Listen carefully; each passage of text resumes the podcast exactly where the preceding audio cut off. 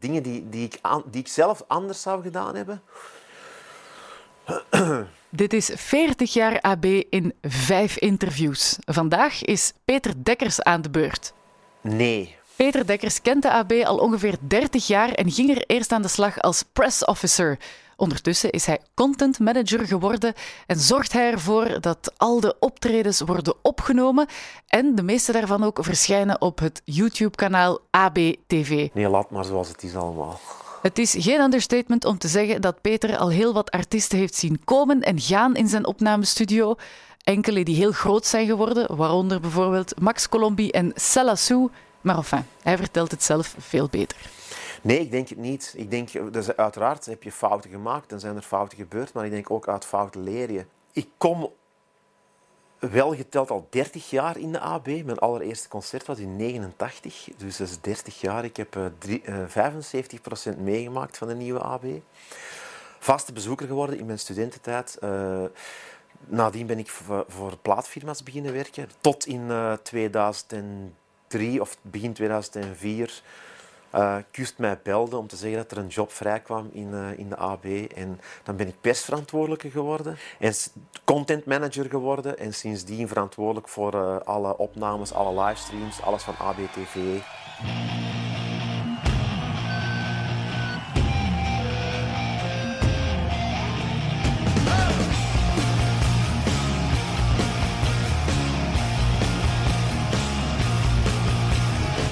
Alles is heel goed geregeld, uh, de dag van vandaag. Dat was vroeger wel een beetje anders. We moeten er rekening mee houden dat er nu toch wel een 600-tal groepen per jaar in de AP spelen. Dus uh, mocht het nog veel natte vingerwerk zijn of alleen provist, ja, dan zou het allemaal niet zo vlot verlopen, denk ik. Uh, maar ik herinner me wel dat er bepaalde concerten zijn geweest die dan op de een of andere manier bijna in het honderd lopen omdat er een band in Duitsland wordt tegengehouden, omdat de buschauffeur nog dronken was van de avond voordien.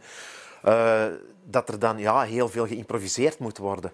Ook nog de periode voordat uh, het internet groot was, uh, was dat vaak behelpen om het publiek te bereiken als er eens een show werd gecanceld en dergelijke meer. dus het spannende is er soms een beetje af.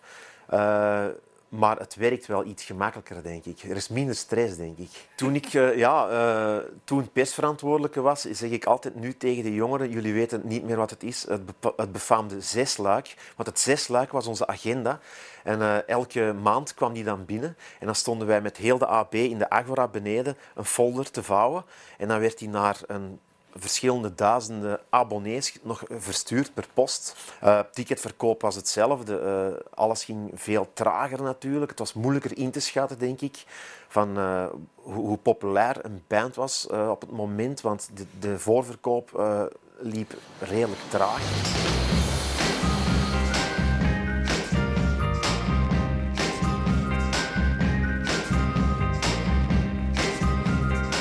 Ja, ook de, de, de last-minute affiches plakken. Soms was het een hele guerrilla-beweging om een concert te promoten. Ik denk dat de poster een van de belangrijkste dingen was uh, binnen het stadsbeeld. Uh, ja, er zijn trucken van de voor natuurlijk. Uh, de 1 plus 1 gratis. dat is als een concert niet goed loopt. soms kan er iets gebeuren wat eigenlijk een nadeel is dat dan omgekeerd wordt in een, in een voordeel. Uh, ik herinner mij de Youngblood Brass Band, denk ik. Youngblood Brass Band, hun eerste passage. Toen bleek dat uh, enkele dagen voordien hier de sousaphone uh, gestolen was van een van de leden. En toen hebben wij een oproep geplaatst van iedereen die die avond zou komen met een sousaphone, gratis binnen mocht en nog iemand mocht meebrengen. Een sousaphone is, een, een, een, is de bombardon van het orkest eigenlijk. de grootste blazer. Ik denk dat er die avond een stuk of tien uh, zijn, uh, aan, zijn binnengekomen.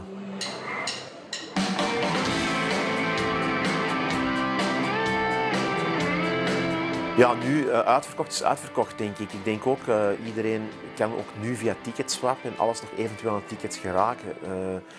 De dagen dat er enkele honderden mensen voor de deur staan om toch maar een ticket proberen te scoren, die zijn ook wel een beetje achter de rug. Maar ik herinner me natuurlijk concerten. De eerste keer Oasis hier, uh, dan stond heel de Anspachlaan vol met mensen die nog uh, desperately een ticket wilden natuurlijk. En toen werden op de zwarte markt ook onwaarschijnlijke bedragen betaald om, om dat concert te zien. Ik heb heel veel met, met grote bands gewerkt voor ik in AB werkte. Dus ik herinner me wel ik heb heel veel wereldsterren ontmoet en soms is dat ja, uh, nogal intimiderend op de een of andere manier. Uh, maar ja, ik denk dat het ook wel een beetje... Uh, dat klinkt dan raar, maar voor ons is het iets alledaags geworden. Want alle dagen komen hier muzikanten over de dus alles wint, zeggen ze. dat is ook zo wel. de meesten zijn ook heel beschaafd en we zijn er ook vriendelijk tegen. En je laat die mensen vooral met rust. Onlangs was Beck hier dan bijvoorbeeld en dan zit je naast Beck te eten in de backstage en dan is dat iets heel normaal. Voor veel mensen zou dat iets ongelooflijks zijn, maar ja, ik denk, we hebben ook een beetje als taak om uh, die artiesten gewoon een thuisgevoel te geven. Ons exponent is een, ja, wat had je nu verwacht?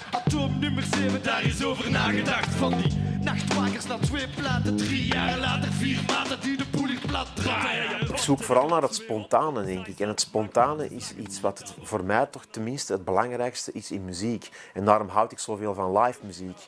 Soms weet ik al vanaf het begin van vanavond gaat er iets gebeuren. Je voelt de, de spanning in de zaal hangen, je voelt dat er iets staat te gebeuren. En dat zijn de momenten waarvoor je het doet. Het is dat ongrijpbare dat, dat muziek zo mooi maakt. Het onvoorspelbare, dat is hetgeen wat het al, elke dag opnieuw de trigger blijft, denk ik, in de muziek. In het verleden zijn er, zijn er legendarische optredens geweest, veel natuurlijk. Uh, er zijn er enkele aangehaald. Ik herinner me als toeschouwer ook de, de Wu-Tang die hier uh, toen stond, voltallig uh, op hun eerste tour. Toen wist je al in de zaal van tevoren van dit is een, een, een eentje voor de geschiedenisboeken. We hebben dat uh, dit jaar meegemaakt met de tweedaagse van Zwangere Regie. Uh, dan voel je al in de namiddag van hier staat iets te gebeuren. En dan gebeurt dat ook. Dat zijn onvergetelijke momenten. Ik denk uh, terug aan het afscheidsconcert van, van Telau en de Scene. dat zijn heel bijzondere momenten in, in het leven in AB maar ook in het leven van heel veel mensen die naar hier komen en zeker in het leven van muzikanten. Het mooiste voor artiesten is natuurlijk het groeitraject dat wij kunnen bieden, dat ze eigenlijk hier beginnen, letterlijk hier in de kamer voor hun eerste opnames. De eerste keer dat Sheila Sou hier binnenkwam, dat was, was een meisje, ze wist van niks. Uh, de allereerste opnames die, die we deden, uh, we moesten haar uitleggen dat overspraak, dat ze in de studio uh, moest zingen, maar dat ze tegelijkertijd geen gitaar mocht spelen, omdat anders het geluid van de gitaar mee in de micro ging gaan en werd opgenomen. Dat zijn dingen die, die een, een heel jonge artiest allemaal nog niet, nog niet beseft of niet weet. Dus uiteindelijk kom je als een blanco blad binnen. Uh, ik herinner me Max Colomby van, van Oscar and Wolf. We zaten een sessietje op te nemen, een akoestische sessie. En die, die komt hier in de kamer binnen en die zegt van oh, de galm op mijn stem, dat is de mooiste galm die ik al ooit heb gehoord. Dat is, dat is allemaal zo heel pril en heel... En dat maakt het ook fijn dat, dat je zo ja, hele jonge mensen gewoon ja, mee kan helpen eh, in de ontwikkeling van, eh, van hun carrière. Ik zou het leuk vinden dat er zo enkele echt hele grote bands nog eens... Nee, ik zou dat niet leuk vinden, want dan is daar weer een, een race voor de ticketverkoop en dan krijg je plots weer honderd telefoons van mensen die je heel goed kennen, die tickets willen, van een, een groep die eigenlijk ja, stadia toert, die dan zo hier terug in de AB komt spelen. Zo. Het, zou wel, het zou wel charmant zijn, maar de praktische gevolgen zullen er... Ja, hm. nee, laat maar zoals het is allemaal.